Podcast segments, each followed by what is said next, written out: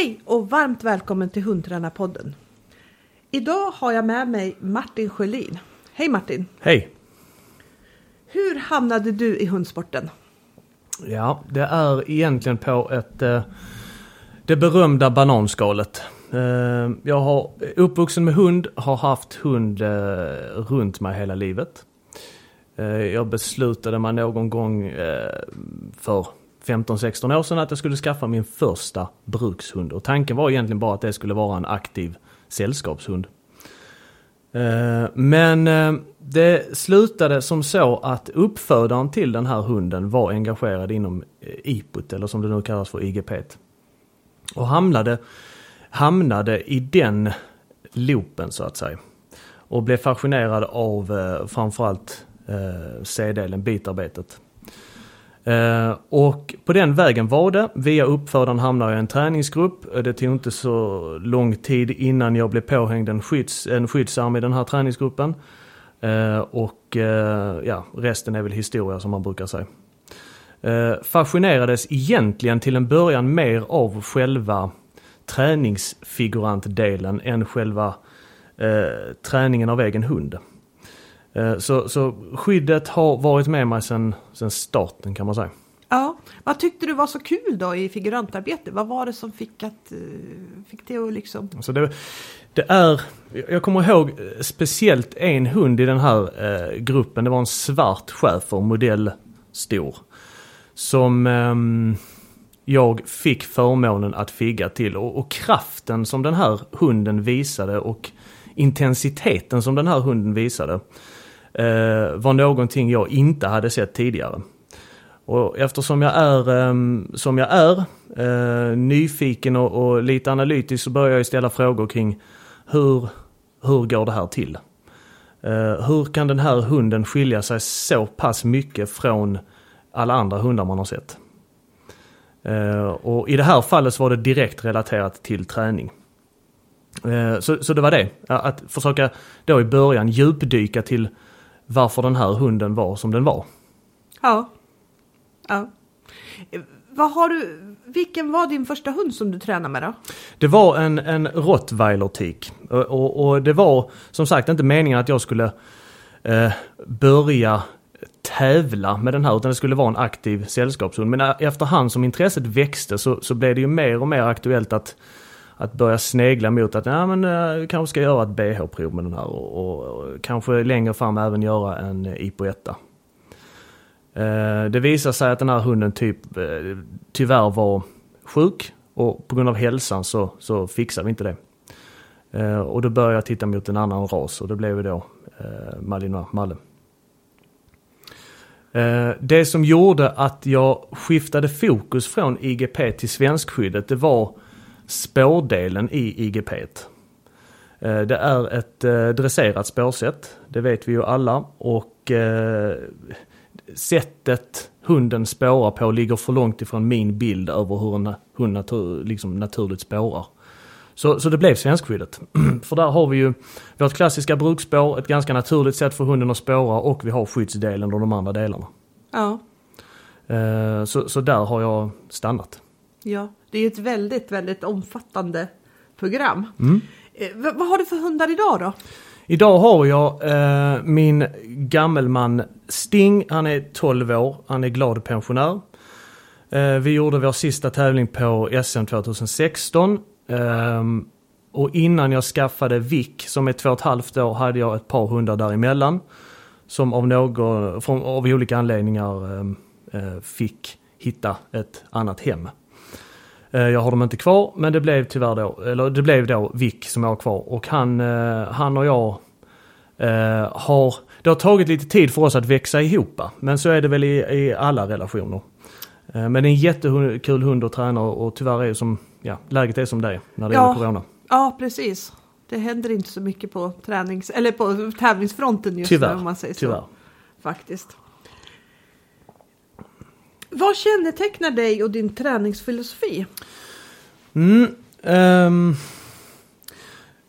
det där är faktiskt en, alltså det, det, är en svårare fråga att svara på än vad man tror från början. För att i många fall så gör man bara saker. Uh, man bara gör dem. Uh, och sen så tänker man inte riktigt på, men, men varför gör jag dem egentligen?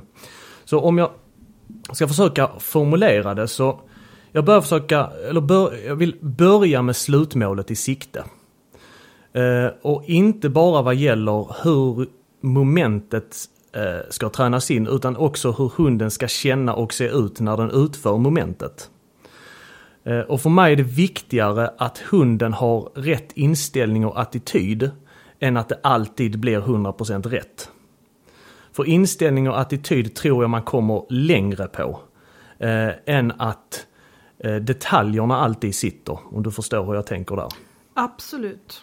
Och, jag vill att hunden ska pusha mig och inte jag den. Eh, och det här börjar redan från hunden är valp. Och eh, det här kan många tycka är kontroversiellt, men jag tycker det är helt naturligt. Ehm, jag vill att min hund ska jobba för sin mat.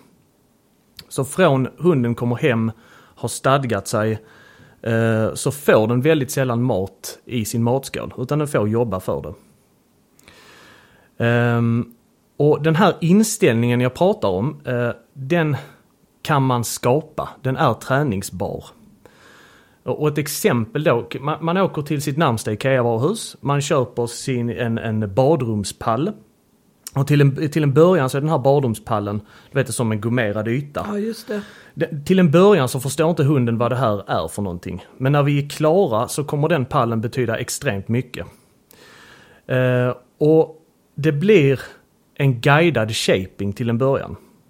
Där hunden finner sin fördel genom att söka sig till pallen. Och när den står på pallen och berättar för mig att nu är det dags för belöning. Den inställningen där vill jag fånga. Ja. Eh, för, för man kan se i kroppsspråket, man kan se hur, hur, hur hunden nästan glöder.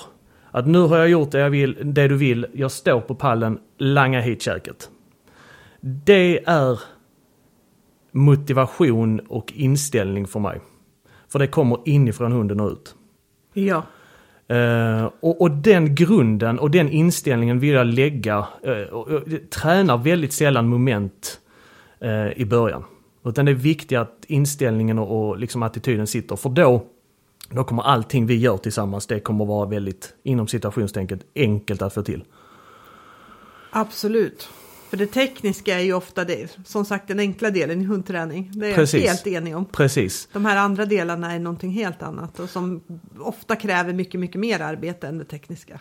Precis, och, och eftersom jag har ett, en, ett stort intresse för skyddet så ser jag ju till att i mitt belöningssystem bygga in saker som jag har nytta av i skyddet. Kan du ge några exempel på det? Mm, alltså om vi börjar med, om man tar vara på, på valpens näringsintresse i början så, eh, så kommer man ju rätt så långt. Men någon gång så vill man ju även då blanda in föremål.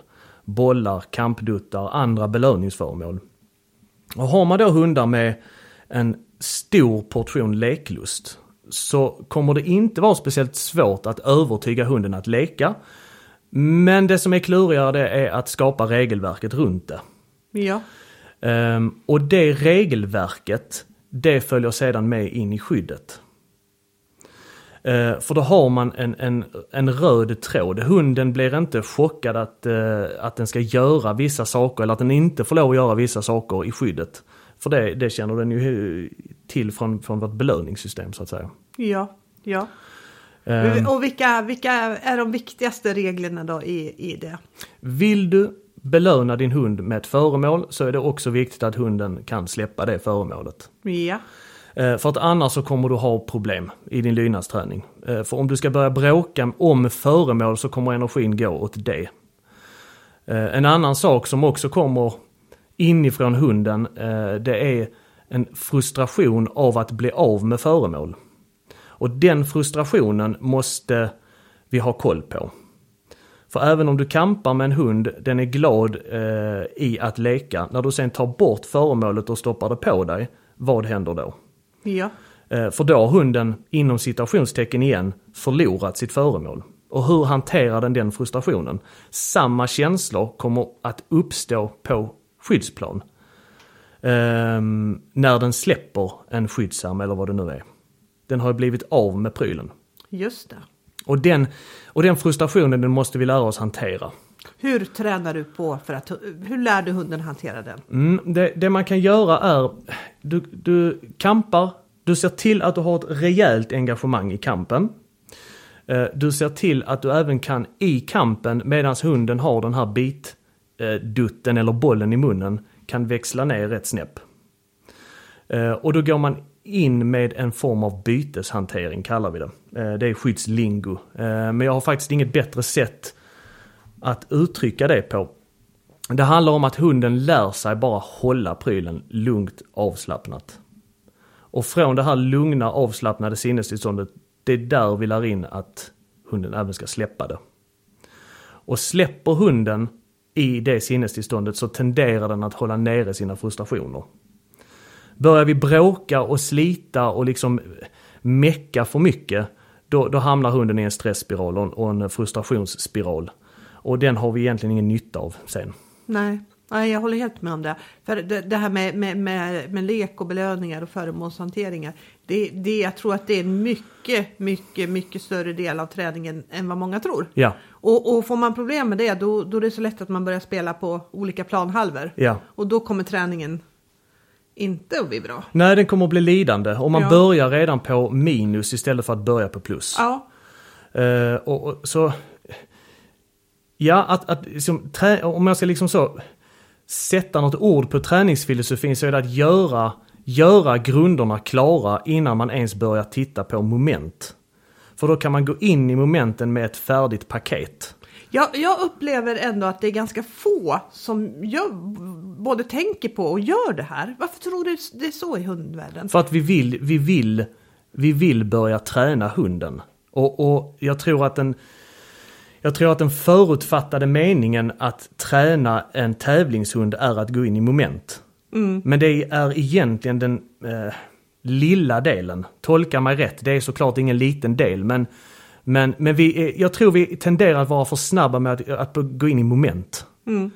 Eh, för sätter man sitt belöningssystem och sätter ramarna kring det, då, då kommer momentdelen vara, den kommer bli ännu roligare den träningen. För Ja. saker och ting bara flyter på. Ja, det är helt rätt. Jag brukar tänka det som att man eh, lägger ett pussel. Har du alla pusselbitar från början så är Ja. det lätt, lätt att lägga ihop det här pusslet. Ja. Men om du samtidigt ska göra ordning de här pusselbitarna samtidigt som du ska lägga pusslet, då blir det betydligt mer omständigt. Ja, ja precis. Och, och det man ska ha i åtanke är att om, om, man, om man drar det här till sin spets, vilket jag faktiskt experimenterade med med unghunden Vick, den här inställningen att hunden berättar för mig att nu är det dags för belöning. Det man lär hunden då, och det är baksidan av myntet, är att den har full... Den har, den har makten att styra över sitt eget öde. Um, den styr egentligen mig, det är i alla fall det hunden tror. Jag, jag använder ju den naturligtvis för något, någonting produktivt, men hund, ur hundens synvinkel så tror den ju att den styr mig. Och den kommer ju växa med den här rollen. Så slutprodukten av den här träningen blir ju en hund som är väldigt eh, initiativrik, den är kraftfull i det den gör och, och eh, den tror att den äger världen. Den får ett ego.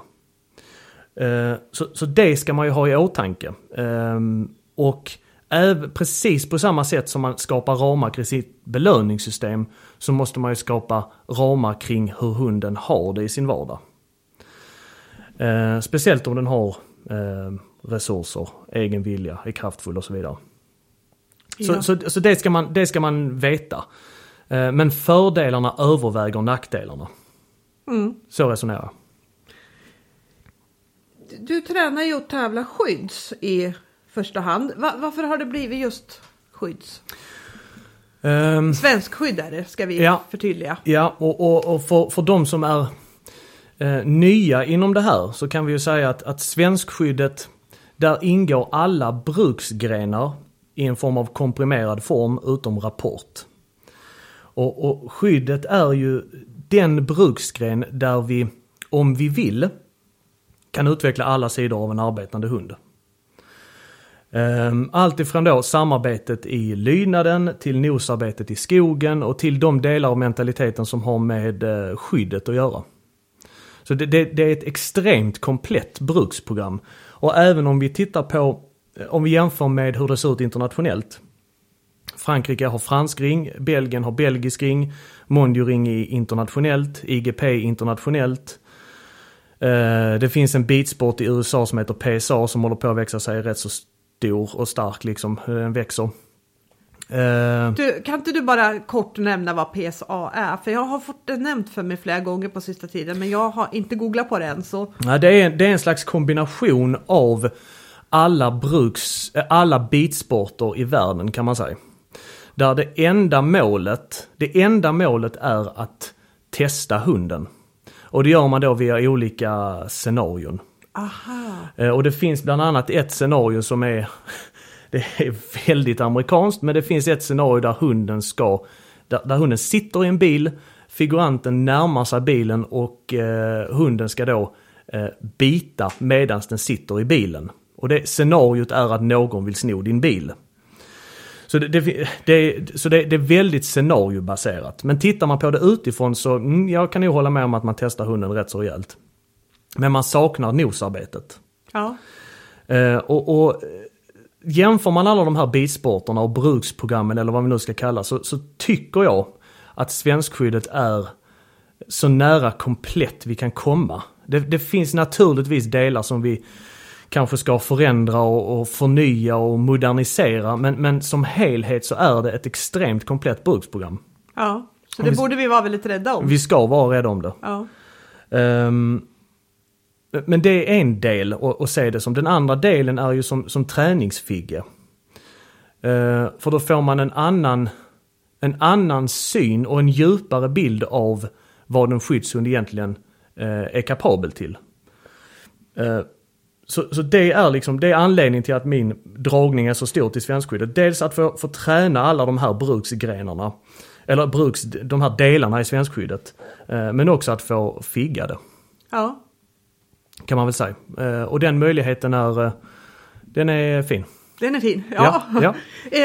Men vad är egentligen skyddsträning? Om du skulle förklara det för sådana som inte är så insatta. Många tror nog att och det, det här, det, det, är det säkert för en del. Eh, att skyddsträning handlar om att hetsa hundar och dra upp hundar i liksom abnorma drifter. Eh, men, men ur mitt sätt att se det så är det inte det som är skyddsträning. Eh, jag skulle nog vilja säga att skyddsträning är den träning som är riktad mot att utveckla hundens mentalitet. Och de, och de delar i mentaliteten som eh, hunden använder i skyddet. Det är skyddsträning. Um, kortfattat kan man väl säga det så. Det är mm. skyddsträning. Ja. Eh, varför behövs det skyddsträning då egentligen?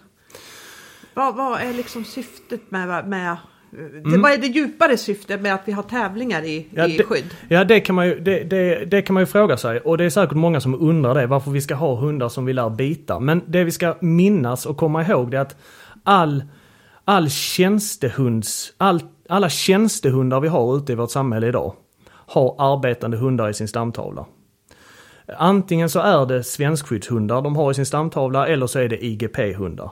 Så i princip alla eh, bruksraser av kaliber har skyddshundar i sitt blod. Och använder vi inte de egenskaperna som är kopplade till skyddet, då kommer vi sakta men säkert ha en, en eh, brukshundar som blir utvattnade. Det är min övertygelse. Oh. För använder vi inte egenskaperna så kommer de att dö ut. Och, och vi ska vara glada för att vi har uppfödare som väljer att avla den typen av hundar för oss entusiaster. Och tjänstehundsverksamheten ska väl också vara tacksam för det. Verkligen och jag tror att eh, innan, innan den här podden kommer så, kommer det, så, så har podden med Jens Frank kommit. Och han eh, pratar ju ganska mycket om liksom den här fantastiska nyttan som samhället har av tjänstehundarna. Ja. Och, och hur otroligt mycket, ja men hur mycket de bidrar. Så det, det är ju helt klart så. Jag tror det är helt, jag tror det är helt nödvändigt för bruksrasernas överlevnad faktiskt. Ja. Vad tycker du är klurigast att få till i skyddet om man ser, ser skyddet som en, en hel, hel gren? alltså vi var inne på det tidigare, alltså sk- svenskskyddet är så pass stort och brett och det finns så mycket som hunden ska klara av. Den ska kunna eh, gå ett helt lydnadsprogram, den ska kunna spåra, den ska kunna söka, hitta föremål och så är det då planskyddet. Eh, så det klurigaste att få till är ju såklart tiden. Att hitta tid för att träna alla de här sakerna. Ehm, en annan del som är klurig att få till är att hitta träningsgrupper att vara med i. Ja. För, för det jag själv ser det är att det finns ett jättestort intresse för skyddet. Det är många som vill börja träna skydd. Eh, men det är inte så många som bara hur som helst hittar en träningsgrupp att vara med i. Eh, så det finns en, en, en efterfrågan men ingen tillgång. Vad kan man göra åt det då? Ja, alltså det... Här finns det, jag vet inte om, jag, om det egentligen är rätt ord, men det finns ett slags ansvar för oss som är engagerade i skyddet att informera om hur träningen går till. Eller hur, eh, och visa eh, de nya inom grenen hur det går till. Eh, och gör man det och skapar ett intresse så tror jag och hoppas på att fler träningsgrupper kan starta. Eh, den, den springande punkten är bristen på träningsviggar.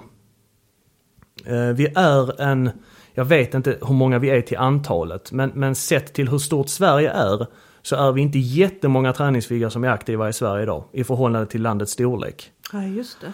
Eh, och, och för, det, för det är, eh, det är krävande. Eh, det är krävande fysiskt. Det är ganska eh, otacksamt på så vis att man står ute i ur och skor.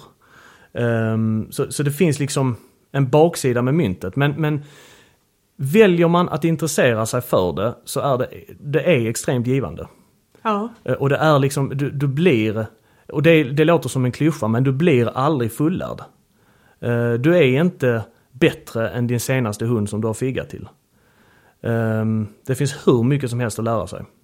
Och lär man sig skyddet och man lär sig de delarna som är kopplade till det så tror jag man blir en bättre hundtränare också. Ja, absolut. Helt enig faktiskt. Vad tycker du är klurigast att få till i bittarbetet då? Ja, och det, det, ja.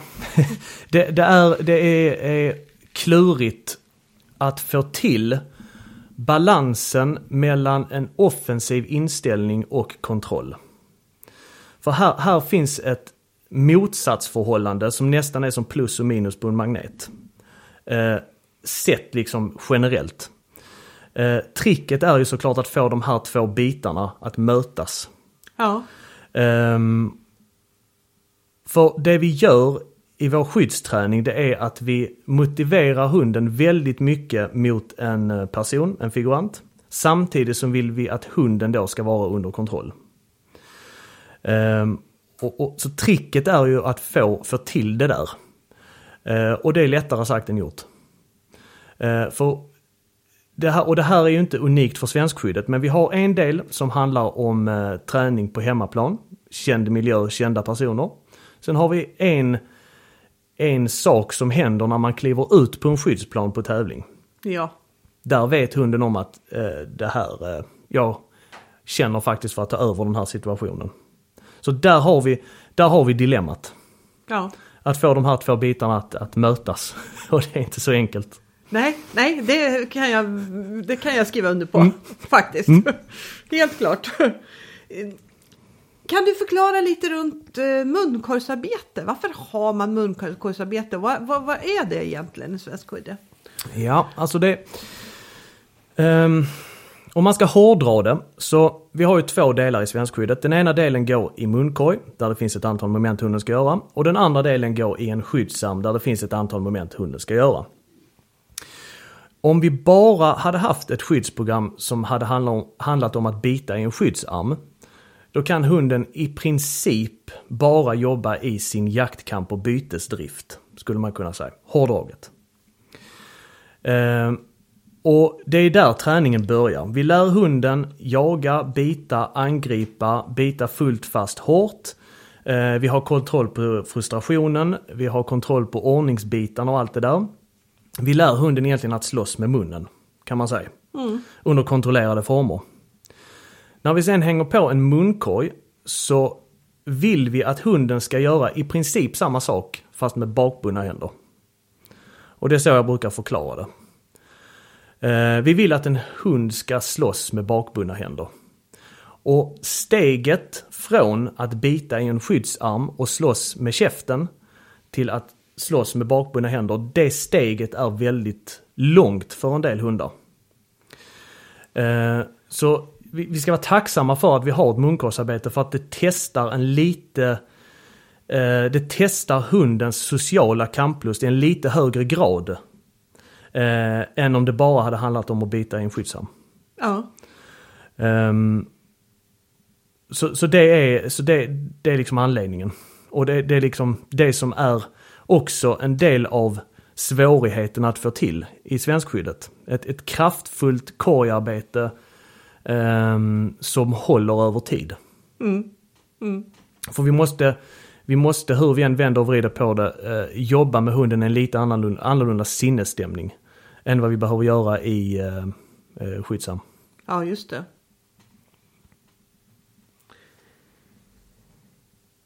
Vilka hundar passar till svenskskydd då? Mm, det, och det, det, är, det är kopplat till eh, munkorgsdelen. Förutom att programmet är väldigt långt och komplext och, och stort så har vi ju en... Eh, det, det, vi har det är en hund som har en stor arbetsmotor. För den ska hålla en hel dag för att kunna utföra allting som vi vill att den ska göra. Eh, vi vill ha ett samarbete där, där hunden är samarbetsvillig och eh, inte hittar på för mycket eh, dumheter. Trots att den har all möjlighet att göra det. Eh, en hund som har lätt för att sortera och koncentrera sig. Eh, och framförallt så, så kräver vi en, för munkorgsdelen, en ganska stor portion social kamplust. Och om man ska definiera de här olika termerna eh, så kan man säga att jaktkamplusten, har hunden en stor jaktkamplust så vill den oftast jaga och gripa ett byte. Eh, har den en stor social kamplust så vill den också strida. Den vill fightas. I engelskan finns det ett, eh, ett bra begrepp som vi inte har i Sverige. Och jag vet inte riktigt hur vi ska kunna formulera det till svenska men det heter fight drive. Och det är hundens vilja att strida. Och den delen av mentaliteten är ju såklart genetisk. Men vi behöver den till munkorgsarbetet också. Eh, för, för där, det är den delen vi hämtar kraften ur kan man säga. Ja. Eller i alla fall så som vi tränar. Så, så det är en, det, svar på din fråga, det som krävs är en ganska komplett brukshund. Mm. Med alla de sidor som det innebär. Just det. Vad krävs då egentligen för att man ska bli en bra figge? Um, ja, alltså. Att, att inse skillnaden på att veta och förstå. Uh, och när, när, jag, när jag började figga um, för den här svarta chefen som jag nämnde i början. Så trodde jag att rollen handlade om, rollen som figga handlade om att, att bara presentera en skyddsam. Här är någonting att bita i, du gör jobbet själv. Eh, men efterhand som man började sätta sig in i det och gå djupare ner i vad det egentligen innebär så förstår jag att rollen som träningsfigge är eh, väldigt mycket djupare än så.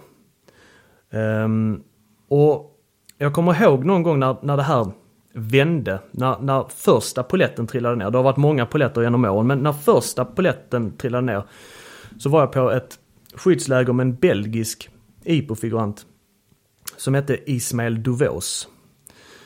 Uh, eh, och han tränade IPO uh, med klicker.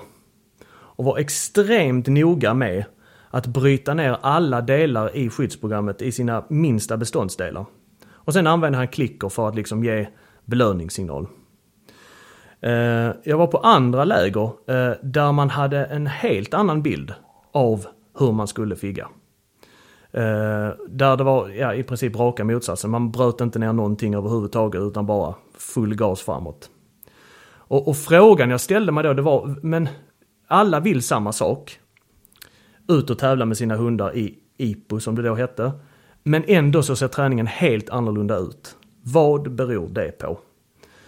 Eh, och det var någonstans där som Väldigt intressant fråga, för, för så ser det ju faktiskt fortfarande ut. Ja, ja, Ja, ja. Och, och, och, så, och det, kanske, det, det är förmodligen sunt att det ser ut så. För, för det är nyttigt att det finns en, en varierad träning. Ehm, men det som föll i bäst god jord hos mig, det var när jag kom över ett, VHS-band med en snubbe som hette eh, Steven Hilliard. Och han var en, en extremt duktig träningsfigge, förstår jag nu. Jag, jag såg inte det då, men nu förstår jag att han var extremt duktig. Och hans bild av att träningsfigga var att få hunden att känna sig stark genom att svara på hundens initiativ. Eh, och det är någonstans början till hur jag själv började se på vad en träningsfigge och en skyddsfigge egentligen är. Um, och det är att kunna följa en hund från de allra första skyddspassen till att den är, eh, ja, om vi nu kan säga färdigutbildad. Och under den här resan, som kan ta olika lång tid beroende på vilken individ det är, så händer det ju naturligtvis saker med hunden. Hunden mognar, eh, föraren och hunden växer ihop. Eh, sidor av hundens mentalitet börjar tändas, andra sidor börjar släckas. Och det gäller liksom att som Figge förstå, eh, förstå den här processen. Och förstå också hur, hur pass viktig ens egen inblandning är. För att slutprodukten ska bli så bra som möjligt. Ehm, man måste ha koll på mentalitet, man måste ha koll på andra sidor eh, hos hundförare. Hur är hundföraren beskaffad? Vad är målet och ambitionerna? Hur vill den hantera sin hund? Eh, så, så rollen är väldigt bred. Eh, och man måste också kunna formulera komplexa saker på ett lättfattligt sätt. Och det är absolut, det håller jag helt med om. Så det, det är väl någonstans det. Och man, liksom, att, att träningsfigga är som att iklä sig olika roller. Eh, det är ett slags skådespeleri. Eh, och de här rollerna varierar. Så ena stunden är du i den här rollen för den sex månader gamla hunden. Eh, tio minuter senare så kommer den två och ett halvt åriga hunden och ska köra sitt pass. Så, och då måste rollen skifta. För är du inte med på det så blir du inget annat än en prylhållare. Och, och det är inte så vi eh, utbildar skyddshundar på bästa sätt. Nej, Tycker det. jag. Just det. Det, det är min bild och min sammanfattning av det kan man väl säga. Eh, och det tar tid. Alltså det, det tar... När jag, när jag hade figgat i, i tre, fyra år då trodde jag att jag var fullärd. Men, men det, alltså det, det är en aldrig sinande ström av käftsmällar för egot. Kan man väl säga. Det låter som hundträning där i, i Ja. största allmänhet om man säger så. Det gör det. Och, och för, för, som sagt, du är, du är inte bättre än din senaste hund du har figgat till. Och alla hundar ser likadana ut, vilket också kommer innebära att det, det kommer ställas olika krav på dig. Beroende på vilken hund du har framför. Ehm, så, ja. Men jag, vad, vi har förstått när vi har pratat lite innan här att du hittar ganska mycket ut, inspiration eh, utifrån. Ja. Via Youtube, nätet eller och, Ja. har du åkt utomlands och gått kurser och sådär också? Nej, eller? det har jag inte gjort. Ehm, det, är, eh, det är såklart en... eh, sociala medier är såklart en bra källa till kunskap. Ja. Eh, Men det är ingenting som, som slår det, det praktiska jobbet. Ehm, och det finns väldigt duktiga hundtränare ehm, i Sverige och jag har förmånen att eh, träna med en del av dem. Och när det gäller kunskap generellt så är det så att vi, vi liksom eh, We all stand on the shoulders of giants. Det finns alltid de som kan mer än vad vi själva kan. eh, Och de som har lärt oss det vi kan idag. Eftersom jag är som jag är så, har jag ett, så är jag kritisk till all information jag får till mig. Och försöker liksom bilda mig en egen uppfattning om hur, hur, hur står det egentligen ställt med det här, om det är ett specifikt ämne. ja. Eh, och sen så försöker jag liksom tänka kring det, analysera det och välja om det ska passera filtret eller inte. Och, gör man det tillräckligt ofta så börjar man bilda sig en egen uppfattning eh, om vad som är bäst. Och det är högst personligt. Och, och det är därför det finns en, en bredd av hur vi tränar skydd idag. Eh, för, för alla som, som vill detta seriöst gör ju den här resan. Och, och sätter vissa saker eh, i kunskapsbanken och vissa saker kastar man åt sidan. Mm. Men helt klart så finns det inspiration att hämta utomlands. För, för det, finns, det finns väldigt duktiga dressörer inom skyddet. Både i Sverige och utomlands. Ja. Och eftersom tillgången på kunskap är vad den är idag så vore man ju dum om man inte tog vara på det. Absolut. Det håller jag helt med om. Men nu, när vi, nu har vi pratat lite om skydds och skyddshundar. Eh, men hur viktigt tror du det är med vardagslydnad och hur påverkar det träningen mot hunds, alla hundsporter egentligen och skyddet i synnerhet? Mm, alltså... Det, det man ska minnas eh, är ju att om, vi, om, om, man, om, man relat, om man relaterar det till skyddet så finns det ett gäng hundar i vårt samhälle idag som har väldigt mycket resurser. De har väldigt mycket egen vilja. Eh, de har, det är kraftfulla individer helt enkelt. Och jag brukar säga att det är, det är ungefär som att köra en Formel 1-bil. För även om du har haft körkort i 30 år och kört en vanlig personbil så kommer sättet att köra en Formel 1-bil skilja sig markant. Så den här typen av hundar eh, måste vi ha ett förhållningssätt till som passar dem. Eh, och det är ju såklart viktigt att vardagen är med för att vi kan ha, vi kan göra det vi gör på träningsplan. Eh, och, och liksom belöna rätt beteende, vi kan skapa liksom goda rutiner och allt vad det, vad det innebär. Rent momentmässigt, träningsmässigt. Men vardagen ska inte skilja sig för mycket från det. För dels är det orättvist för hunden, för att hunden blir då tvungen att leva i två stycken olika världar. Och det skapar förmodligen frustration. Ehm, men också för att vi vill ha någon form av röd tråd i vårt förhållningssätt till hunden. Ehm, så vardagen för mina hundar är, de ska kunna allmänt hyfs. Jag vill, jag vill inte att de ska jaga cyklister. Jag har inte speciellt stor lust att de springer efter rådjur i, i skogen. Och när jag har sagt att nu, nu får du faktiskt gå och lägga dig så vill jag att de ska göra det också. Eh, så vardagen är viktig, för den följer med i vår träning. Däremot så är det så att om man överdriver vardagsträning eller vardagsuppfostran och vardagsträning eller vad man nu ska kalla det. Så riskerar man att lägga locket på för en del hundar. För överdriver man det och omger sin vardag med för mycket regler och förordningar att du får inte lov att göra det, du får inte lov att göra det, du ska helst bara ligga i din säng och, och, vara stilla. Så kommer de sidorna som vi vill nyttja i vår träning och tävling, de kommer sakta men säkert slockna. Eh, så man ska ha en fingertoppskänsla där. I skyddet, eh, om vi relaterar det till skyddet, så vill vi ha mycket hund.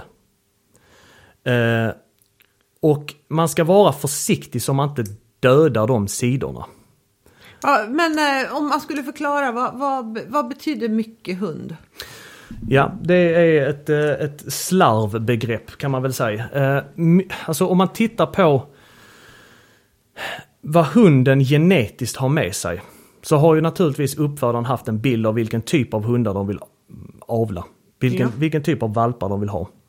Och mycket hund för mig innebär en hund som har eh, social kamplust, det finns en leklust, det finns en vilja att jaga, det finns en vilja till att ta initiativ. Eh, det finns eh, inte speciellt mycket rädslor för vare sig miljö eller människor. Och paketerar man det i en hund så kommer det att synas. Inte bara i träning men även i vardagen. Eh, och det är de här sidorna jag menar man ska vara lite försiktig med, med hur man hanterar dem. För är vi för hårda mot vissa individer så kommer de här sidorna vi har nytta av, de kommer, de kommer att dö ut som sagt. Ja. Så, så vanligt hyfs och vanliga regler, det kommer man liksom långt med i sitt förhållande till de här hundarna. Ja. Eh, som vi pratar om nu. Eh, jag, jag hade en hund hemma på prov eh, mellan då de här två hundarna som jag har nu. Som, som, är, som var just ett exempel på detta. Där ägaren hade i princip bara koppelrastat hunden under eh, den första tiden. Och när den kom hem till mig så, så tog den inte initiativ till någonting. För den värld den var van vid, det var att gå i koppel. Men man kunde någonstans skönja att det fanns, en, det fanns en potential i hunden. Men det hade inte fått lov att komma fram. Nej, just det. Just det. Eh, så det, det är väl liksom det man bara ska ha, ha koll på. Jag menar inte att man ska ha hundar som är utom kontroll. Men man ska vara, man ska vara försiktig, precis som allt annat. Eh, när det gäller hundens mentalitet och varelse. Eh, att inte döda sidor vi kan ha nytta av sen. Tror du att man kan uppfostra en hund med bara positiv förstärkning? Eller eh, bara genom att belöna rätt beteende ska jag säga snarare. Alltså eh, i teorin så kan man göra det. Allting, alla modeller och allting som vi kan läsa om teoretiskt säger att det, det ska man kunna göra. Men sen, sen finns det någonting som heter en verklighet också. Eh, så mitt, mitt kortfattade svar på den frågan är nej. Det kan man inte. Um, och återigen, de här hundarna som har, som vi då kallar för Formel 1-bilar, eller om vi nu ska benämna dem som det. De måste köras på ett visst sätt. Det värsta för en sån hund är att hamna i en gråzon. Eh, och med det menar jag att de vill jobba. Då menar jag att då ska man låta dem göra det fullt ut. Använda alla sina eh, förmågor fullt ut. Men för att det ska bli drägligt att leva med en sån hund så måste vi även ha någon, en motvikt. Och den motvikten heter sammanfattningsvis vår relation. Och i relationen så vill i alla fall jag bygga in regler och förhållningssätt. Att, att säger jag nej, då är det nej. Och det bästa sättet att lyckas med det, det är att man är med från starten. Eh, jag vet att Glenn Andersson skrev en artikel i Brukshunden för något nummer sedan där han beskriver just det här. Jag tyckte den var helt klockren. Man är med i matchen eh, från början. Man försätter valpen medvetet i situationer som man vet om att eh, här kommer den att göra inom citationstecken fel. Och man berättar för valpen att det du gjorde, det vill jag inte att du ska göra längre. Då har man en början till en relation som bygger på ramar och regler. Det är motvikten till att gasa. Eh, och Så att belöna rätt beteende, eh, eller vad ska man säga? Att bara klara att uppfostra den typen av hund genom att belöna rätt beteende, det tror jag inte man kan. För, för till syvende sist så kommer hundens genetik att pysa ut på något sätt och då måste man vara med i matchen. Och antingen förstärka det och koppla det till en situation eller bromsa det när man inte vill ha det. Mm. Mm. Och, och, och återigen så vill jag förtydliga att det handlar inte om att vara våldsam eller hantera hunden hårdhänt. Det är det många som tror nämligen. Ja men precis, att då är så fall då är det bara att man korrigerar och bestraffar och, och det, det, hamnar lätt över på att det blir, ja. det, antagligen finns det att belöna allting eller så finns det att korrigera och bestraffa. Precis. Det, det finns sällan någon mitt på nej, det där. Nej. Och, och, och för, då är vi återigen till det att om du går in och börjar bestraffa och korrigera en ung hund, då kommer hunden, den kommer ta korrigeringen, men det är den känslan som den gjorde när du korrigerade kommer sakta men säkert dö ut. Och, och, då, och då släcker vi de här värdefulla arbetsegenskaperna som vi vill ha i träning. Så det måste liksom finnas en... en eh, det är svårt att prata om detta. Eh, det är svårt att prata om det. Eh, för att man hamnar lätt i det här korrigeringsfacket. Ja. Eh, men, men återigen, det är inte det, vi, eller det jag menar. Det, det jag menar är att det måste finnas en balans eh, mellan att gasa och bromsa. Och den balansen är i ärlighetens namn skitsvår på ren svenska att lära ut. Eh, man måste som ägare till de här eh, hundarna som har mycket i sig gå in med ett förhållningssätt. Och, och mer med en övertygelse att det du gör nu vill jag inte att du gör om. Och, och eftersom hundar har varit med oss i jag vet inte hur många tusen år så kommer de att fatta det budskapet. Um, så, de, de, de förstår det instinktivt. Um, och de, de två hundarna som jag, som, som jag har nu, de har varit tvungna att ramas in. Men jag har inte varit hårda med dem, jag har inte behandlat dem illa utan jag har bara gått in med eh, någon form av geniets självklarhet att sluta med det. Gör mm. det här istället. Mm. Eller sluta med det helt enkelt. Ja. Men rent konkret då, vad, vad gör man då om du säger sluta men hunden slutar inte? Nej, alltså då, om man är med från början eh, med valpen och, och det, liksom, det rekommenderar jag väl att man är. Eh, om man har tävlingsambition. Eh, det är väl enklast så. Eh, det är att man försätter hunden i en situation som man vet att den inte vill. Eh, som man, som man vet att den inte ska göra. Eh, sen tar man helt enkelt tag i valpen, lyfter bort den därifrån och säger det slutar du med. Eller så kombinerar man det lyftet med ett nä. Mm. Och sen så testar man det såklart. När man ser att valpen är på väg dit igen så berättar man för den eller säger nej och så ser man om man får en reaktion. Får mm. man en reaktion där, då vet man om att då, ja, mm. då har den förstått vad förbudet betyder. Mm. Konkret. Um, kan man väl säga så. Och sen tror jag också att ju mer vi tränar hunden, för träning är också relationsbyggande. Så ju mer vi tränar hunden desto mer stärks relationen. Och ju enklare kommer det vara för hunden att lyssna på oss. För, för den, är, den är liksom van vid ett förhållningssätt kring saker och ting. Som det jag berättade om det här med att man ska, eh, hur man lär hunden eller att det är viktigt att lära hunden att hantera sig i ett belöningssystem. De reglerna där, ja de, de försvinner ju inte. Eh, jag vill inte du ska ta kampdutten nu. Eh, jag vill inte du ska gå bort till kattens kattlåda eller vad det nu, vad det nu är liksom. Så jag tror att hela, hela vår relation kommer att lösa sig genom att vi bara är tydliga och att vi tränar hunden. Ja. Alltså det behöver inte vara svårare än så. Um, och sen så, ja. Men varför, varför har det här blivit så pass kontroversiellt då tror du? Ja, det, det är en bra fråga och jag vet liksom inte riktigt när det svängde det här. Um, för man, man, man, pratar liksom, man, i diskussioner så pratar man ibland om så här tränade vi hund förr i tiden och så här tränar vi hund nu. Eh, modernt träningstänk brukar man ju liksom kalla det vi gör nu.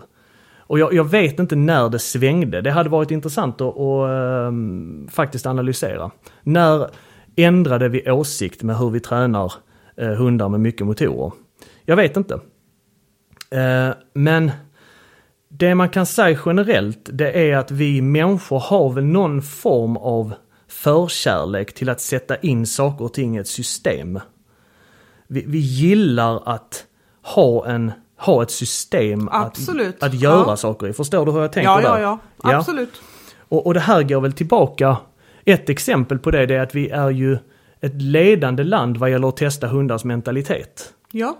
Så, så vi har ju en förkärlek till att sätta kryss i, på papper. Ja. Och, och den, den fallenheten tror jag kanske har eh, gått över i hur vi tränar hund. Problemet är att hundar har inga Excel-ark. Eh, och de har inga, de bryr sig inte om protokoll. Utan det är ju djur vi försöker leva och träna med. Och då måste man ju på något sätt prata med bönder på bönders språk. Um, ett, ett, exempel som brukar dyka upp i när det gäller det här med hunduppfostran och förhållningssätt, det är att titta på hur tiken hanterar sina valpar. Um, när tiken inte vill bli diad så kommer den att göra det budskapet väldigt klart för valparna. Och det tar en halv sekund för samtliga valpar i den kullen att fatta det budskapet. Um, och så, så, det säger väl en del om hur um, långt ifrån vi står uh, hunden när vi bara tänker belöna rätt beteende. Mm. Mm. Kan man säga så? Jag tror det. Ja. Tror du att man kan få fram, för det, det tror jag är samma sak där, kan man få fram en skyddshund då genom att bara, bara belöna rätt beteende hela vägen. Du kan få fram väldigt, väldigt mycket. Eh, och har man, jag tycker ju om att mitt, han- min hantering av min hund ska vara en form av röd tråd. Ehm, så är vi duktiga med förordningsregler och förhållningssätt med hunden i vardagen så kommer vi ha nytta av det i skyddsträningen. Eh, det som händer i skyddsträningen är att vi väcker eh, sidor till liv i hunden som hunden väldigt, väldigt gärna vill använda sig av. Har vi väl lärt en hund att det är skithäftigt att slåss, på skoj såklart, slåss med en figurant, så vill den väldigt gärna göra det. Um, och vi vill då från vårt håll kontrollera det. Och det finns ett, finns ett förhållningssätt som gör att man kan komma undan det här eh, om man är klok i sin träning och det kallas för Premac, Premacs princip. Eller Farmorslagen. Eh, översatt betyder det att ät dina morötter nu så får du dessert sen. Och bygger man sin skyddsträning kring den här principen så får man faktiskt ganska lite principer. Ett konkret exempel är att du ska gå en transport i en bra position. Gör du det under en begränsad tid i början så kommer du att få engagera dig framåt. Och bygger man sin träning kring detta, då kommer man väldigt långt. Men man kommer inte hela vägen. Man kommer kanske ja, 85-90% om man är konsekvent och, och liksom använder den här principen fullt ut. Ja. De sista 10 procenten eller 15 procenten, det löser vi med det vi har lärt hunden i vardagen. Regler och förordningar. Mm.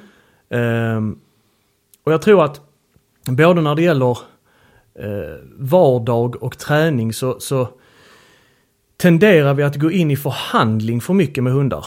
Ehm, hundar förhandlar sällan mellan varandra, så varför ska vi förhandla med dem? Eh, vissa saker ska göras för att jag vill att det ska göras. Punkt. Och, och det, med, med det förhållningssättet så tror jag man löser de, de sista 10 procenten Mm. eh, i sin skyddsträning. Generellt sett. Det finns naturligtvis eh, variationer i det här. Men, men det jag har sett genom åren är att ma- visar man bara vägen så kommer hunden att köpa det. Tänker du att eh, allting är träningsbart när det kommer till hundsporter? Och eh, i så fall, vad, vad, vad är mindre träningsbart? Nu säger, pratar vi inte bara skydd utan nu kan vi prata brukshundar. Ja, Men, eh, alltså. ehm, det, det, det beror på. eh, Mm. Är egentligen eh, svaret. För att det beror på vad vi vill göra med hunden. Så vi kan inte prata om det utan att prata om eh, specifika delar i mentaliteten. Eh, skyddet kräver en genetisk sammansättning av mentaliteten för att vi ska lyckas hela vägen. Och har hunden en väldigt liten social kamplust så kan, så kan vi inte göra så mycket åt det. Även om vi, om vi, att vi vill så det verkar, men vi kan inte få eh, hunden att vilja fightas och gå upp i ringen med en figurant om den inte har de genetiska förutsättningarna för det.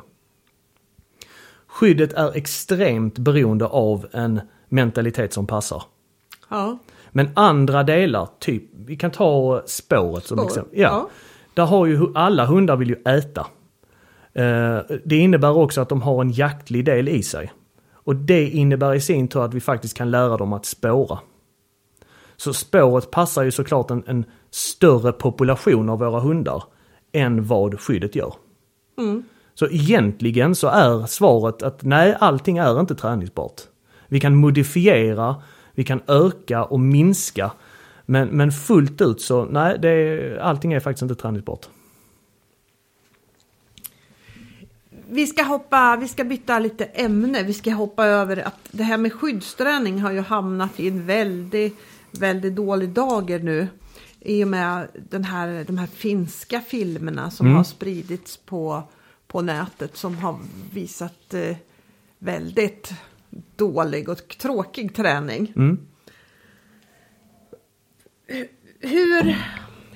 Hur, det, det är alltså för de som inte vet så är det filmer där man använder stackel och man använder el och använder riktigt fula korrigeringar. Tror du sånt sker även här i skyddsrumsvärlden? Så jag, jag, kan bara svara för det jag har sett eh, under den tid jag har varit igång och, och eh, figgat i större delen av Sverige. Eh, jag har i ärlighetens namn aldrig sett det förekomma. Eh, och jag har aldrig sett hundar, för, för har man hållit på ett tag, då kan man ana hur en hund är tränad. Absolut, ja. utan tvekan. Ja. ja. Och, och, och jag har aldrig sett tendenserna till den här typen av träning i Sverige. Det är möjligt att jag är naiv, det är möjligt att jag inte har sett allting som försiggår, men, men jag tror faktiskt inte det är så vanligt. Nej. Um, och det vi har sett exempel på är korkad hundträning på ren svenska. Jag har inget bättre sätt att uttrycka mig än så. Det är korkad hundträning. Ja.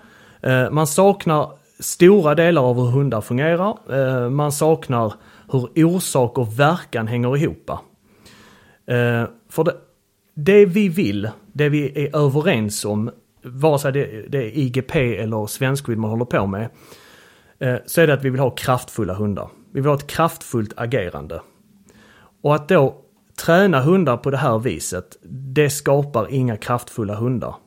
Det skapar oro och det skapar nervositet och det skapar en mindre initiativförmåga. Och det hämmar såklart hundens eh, sätt att uttrycka sig på skyddsplan. Man tappar kraft. Mm. Så även om de här personerna har, har en hög ambition så spolierar de det eh, genom att behandla hundarna på det här viset. Rent etiskt så är det så att en hund ska aldrig bli sparkad eller slagen på eh, för att få den att göra det vi vill på en grön gräsmatta. Det ska inte behövas. Nej. Um, Nej, film, filmen, den filmen som ligger ute på Vimeo, den heter tror jag Dog Abusement ja. as Hobby. Ja. Och bara det får ju en att få lite, lite ont i magen faktiskt. Faktiskt. Ja. Och, och, och det, man, det, man har gjort eh, i Finland och det är väl en slags reflexreaktion, det är att bara stänga ner all skyddsträning. Man har förbjudit all skyddsträning. Eh, så, det som har, så, så det de har orsakat är ju inte bara lidande för sig själva, med all rätt, men de har också orsakat lidande för, för de som faktiskt tränar på ett bra sätt. Ja. Eh, sen kan man ju tycka vad man vill om det beslutet, men, men det är de facto vad som har hänt idag. Mm. Och, och, där var ju SPK snabba med att svara på eh, och, och, offentliggöra att eh, det här är SPKs dressyrpolicy. Och i den så innefattar bland annat att vi inte ska träna hundar över deras förmåga. Eh, och att då naturligtvis använda otillåtna hjälpmedel. Så, så, så det var väl bra. Eh, men, men jag, jag, tror, min magkänsla säger att vi faktiskt är ganska förskonade kring det här i Sverige. Och det man också ska lägga till det är att Svenskskydds-Sverige är ganska litet. Vi, vi är ganska få som simmar i den här ankdammen. Och toleransen för den här typen av träning är väldigt liten. Så det, det är självsanerande på sätt och vis. Ja. Eh, vilket är bra. Ja, det är jättebra. Um, så det, är det. För det är ju verkligen liksom ingen finess. Träning ska vara finess och ja. häftigt och kul och härligt att se på. Inte, inte det motsatta om man säger så. Nej, eh, precis. Hur kul är det? Um, och, och är det då hundar som är det hundar som inte är mottagliga för vår träning, då är ju frågan om vi överhuvudtaget ska träna dem i det specifika som vi gör. Um, då är det väl kanske bättre för hunden och för föraren att uh, göra något annat. Ja. Så. Ja. I, när man tittar på filmer och lyssnar på utländska poddar och så här så är ju el och stackel det är ju tillåtet i väldigt många länder. Mm. Faktiskt de allra flesta skulle jag tro. Mm. Eh, bortsett från nordiska och no några enstaka till. Och det här, ja men som sagt, det är lika vanligt som man använder koppel och halsband. Vi har ju haft förbud mot det här en lång tid. Tror du att det har gjort oss till bättre hundtränare? Jag, är, jag vågar vara eh, säker på att eh, det har gjort det. För, för säga vad man vill om de här träningsredskapen så är det träningsredskap som finns i en arsenal man kan använda. Där det är tillåtet såklart. Och jag tror att man är rätt så eh, snabb på att använda de redskapen man har när man tränar hund. I Sverige kan vi inte använda de redskapen, så vi måste tänka annorlunda. Och frågan är ju då, har vi sämre eller bättre hundar än man har internationellt? Eh, på grund av detta. Och jag skulle vilja påstå att vi har gått raka motsatsen till vad man kan tro. Jag tror, vi, jag tror att vi har bättre hundar än vad man har eh, internationellt. För vi måste tänka in en annan dimension i vår hundavel. Och det är den dimension som heter samarbete. Ja. Um, för, för man kan ju såklart lösa stora delar av sitt samarbetsproblem med en hund genom att, um, ja, på ren svenska skrämma den till lydnad. Ja. Men, men det kan vi inte göra i Sverige. Så, så vi måste nog vara bättre och mer noggranna i vår avel. Och få ihop alla de här delarna som vi vill. Eh, för att hundarna ska kunna prestera. Jo, så vi kan kanske säga att vi har ett eh, ganska stort plus av det här med att, att eh, vi har förbud mot, mot de här redskaperna. Ja. Hur som helst. Ja, det kan man säga. Och, och, och ett bevis på det, återigen, det är att se hur, hur Sverige presterar internationellt. Ja. Och det är bara att åka ut till, ja det är inte så bara nu för tiden, men åk ut på en skyddstävling eller titta på ett SM och se vad våra svenskskyddshundar gör på skyddsplan. Eh, så ser man ett bevis på att det går att komma hela vägen med lite eftertanke. Ja, ja. Och, och som sagt, det, det, här är ju så vanligt i vissa länder så att det är svårt att, att, att, att ens förklara. För jag skulle köpa ett sånt där halsband för ett par år sedan. Jag hade en hund som blev döv. Då skulle jag köpa ett sånt där halsband som brr, säger det i halsen på Vibrerar. hunden. Ja, som Ja. vibrerar lite grann. Och, och då ringde jag till den här försäljaren för jag ville ha ett sånt som bara vibrerade då. Det var i, i USA det här, jag skulle köpa det här. Men då sa han, nej men det finns ju med elhalsband också. Ja, men så det, det vill jag inte ha. Jag vill ha bara brr. Ja men det är klart du ska ha elhalsband Ja. liksom. Då har du för dubbelt. Det är ju samma pris liksom. Men bara, nej men jag ska inte ha elhalsband vi använder inte det här. Och det är ja, men använder ni inte det? Och då, då fick jag en lång, lång story om elhalsbandets alla fördelar. Ja. Men jag sa tack du, jag vill ha det här lilla brret. Så jag, till slut så fick jag mitt lilla brrhalsband utan el. Det var bra. Ja, det var bra. Ja. Men det var lite, för jag, först, jag, hade nog, jag hade nog inte förstått hur, eh, vad ska jag säga, hur, ja, men hur normalt det verktyget var på andra ställen Nej. när jag hade den här konversationen. Men så här i efterhand så förstår jag bättre Mm. faktiskt. Vi ska fortsätta vad, vad tycker du att vi kan göra för att sprida en bra träningsfilosofi? För att absolut inte hamna i sådana här grejer som hände i Finland. Ja, alltså det, det, det värsta som... Worst case är att eh, vi genom politisk påverkan eh, slutar kunna tävla och träna skydd. Alltså, vi får ett förbud mot det helt enkelt. Det är worst case. Och sett till alla grenar eh, som vi har i, i, eh, under SPK-paraplyet så är ju skyddet det som ligger närmst till hands att kunna kritisera och eh, eh, hårdgranska. Eh, så en, en bra träningsfilosofi är helt avgörande för att vi ska kunna fortsätta det vi håller på med. Um, och det första eh, är att prata om det. Typ så som vi gör nu. Prata om konkreta vägar att gå. Vilka eh, tankar, principer, filosofier som vi kan använda oss av för att lyckas med det vi vill. Och framförallt så ser vi någonting som inte känns bra i magkänslan, ta det med vederbörande. Eh, direkt. Det som ibland händer nu för tiden det är att eh, sociala medier blir någon slags eh, Eh, kanal för missnöje, rykten och skitsnack. Och där blir diskussionen extremt onyanserad. Um, och så, så det är bättre att ta det med vederbörande. Och som träningsfigge eller som träningsansvarig uh, så har man ju ett ansvar. Uh, att uh, antingen tillrättavisa personen och be den sluta med det den håller på med. Eller helt enkelt avsluta eh, träningen för det ekipaget. Mm. Det, det, det, så skulle jag vilja säga. Men, men framförallt eh, prata om det. Så som vi gör i någon form av öppet forum. Ja. Håller med. Absolut. Och, och man kan ju, man skulle ju vilja att eh, kanske hundvärlden står lite mer enad. Ja. Eh, även om, om sättet och, och om träningsmetoder och sånt här skiljer sig åt så, så ändå att det är ju ändå vi vill ju ändå samma sak kan jag tycka att lyckas med vår träning. Ja, vi, vill, vi vill alla samma sak. Och, och, eh, och få hunden att trivas och må bra naturligtvis. Precis. Liksom precis. Självklarheter. Ja. Eh, och precis som det finns olika förhållningssätt till våra medmänniskor så måste det finnas olika förhållningssätt till våra hundar. Men det innebär inte att vi ska vara elaka. Nej, verkligen inte.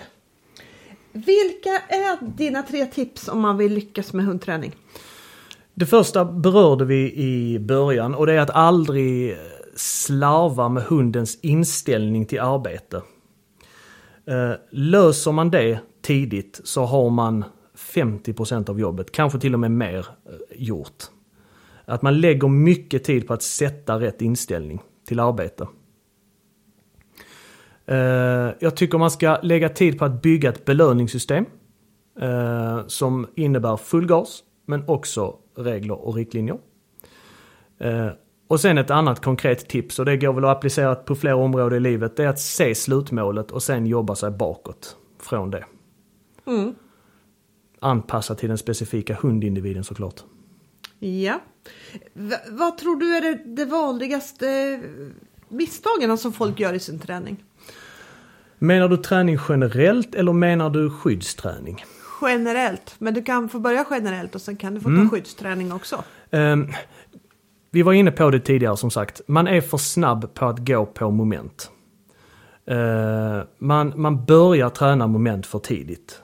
Och riskerna med det är att man blir tvungen att längre fram börja problemlösa. För någonting har hänt på vägen. Och, och någonstans har hunden helt plötsligt tyckt det, tyckt det är ganska så tråkigt att apportera. Um, ehm, trots att man hade liksom en, en, god, en god plan för det. Men, men saker och ting händer med hundar under, under uh, mognad och, um, och så. Så att Ja, den delen uh, tror jag, den, den, den, den fällan uh, liksom trillar många i. Att man börjar med moment för tidigt. Det är bättre att göra förutsättningarna klara så att man kan gå in med ett paket och sen börja träna moment. Japp. Sen gällande skyddet så samma sak där. Um, det är för mycket och för fort. Uh, kan man väl säga. Eh, det är ett vanligt misstag som många gör. Mm. Um, Istället för att ta det lite lugnare i början, se var hunden hamnar eh, efterhand som den mognar. Um, ta små steg framåt och låta hunden växa in i rollen. Um, relaterat till munkorgen så kan man väl säga att jag är en förespråkare av att börja munkorgsträningen um, när hunden har de sidorna som krävs för munkorgen utvecklade. Ja. För börjar man för tidigt så vet man inte var hunden sen kommer att landa. Och återigen, då får man gå in och problemlösa. Ja, just det. Um, och problemlösning är, det är inte så kul. Nej, det är ju verkligen inte det. Det är lättare om man kan göra så mycket rätt som möjligt från början. Det är ambitionen i alla fall. Ja, håller helt med. Eh, för att lyckas bra på tävling, hur stor del är hunden och hur stor del är föraren? Nu, nu som sagt, det här är ju bara en väldigt hypotetisk fråga ja. och jag förutsätter att du inte ska tävla skydd med en tax eller något sånt där, utan du har, du har en du har i alla fall en, en, en helt okej hund att starta med. Mm. Eh, Alltså, det, det här går ju tillbaka lite grann till frågan eh, om allting är träningsbart eller inte. Ehm, och det beror på vad du ska göra med hunden. Eh, är målet och ambitionen att träna och tävla skydd så måste vi ha ett genetiskt paket med oss eh, från valplådan. Och det utgör 50% av hunden. De andra 50% av hunden, det får vi stå för. Så relaterat till skyddet 50-50. I andra delar och andra typer av brukssporter så kan ju den där kvoten eller procentfördelningen varierar såklart. Eh, vi kan få många hundar att spåra ganska hyfsat. Eh, men vi kan inte få många hundar att prestera ett kraftfullt korgarbete. Så, så relaterat till skyddet 50-50. Ja.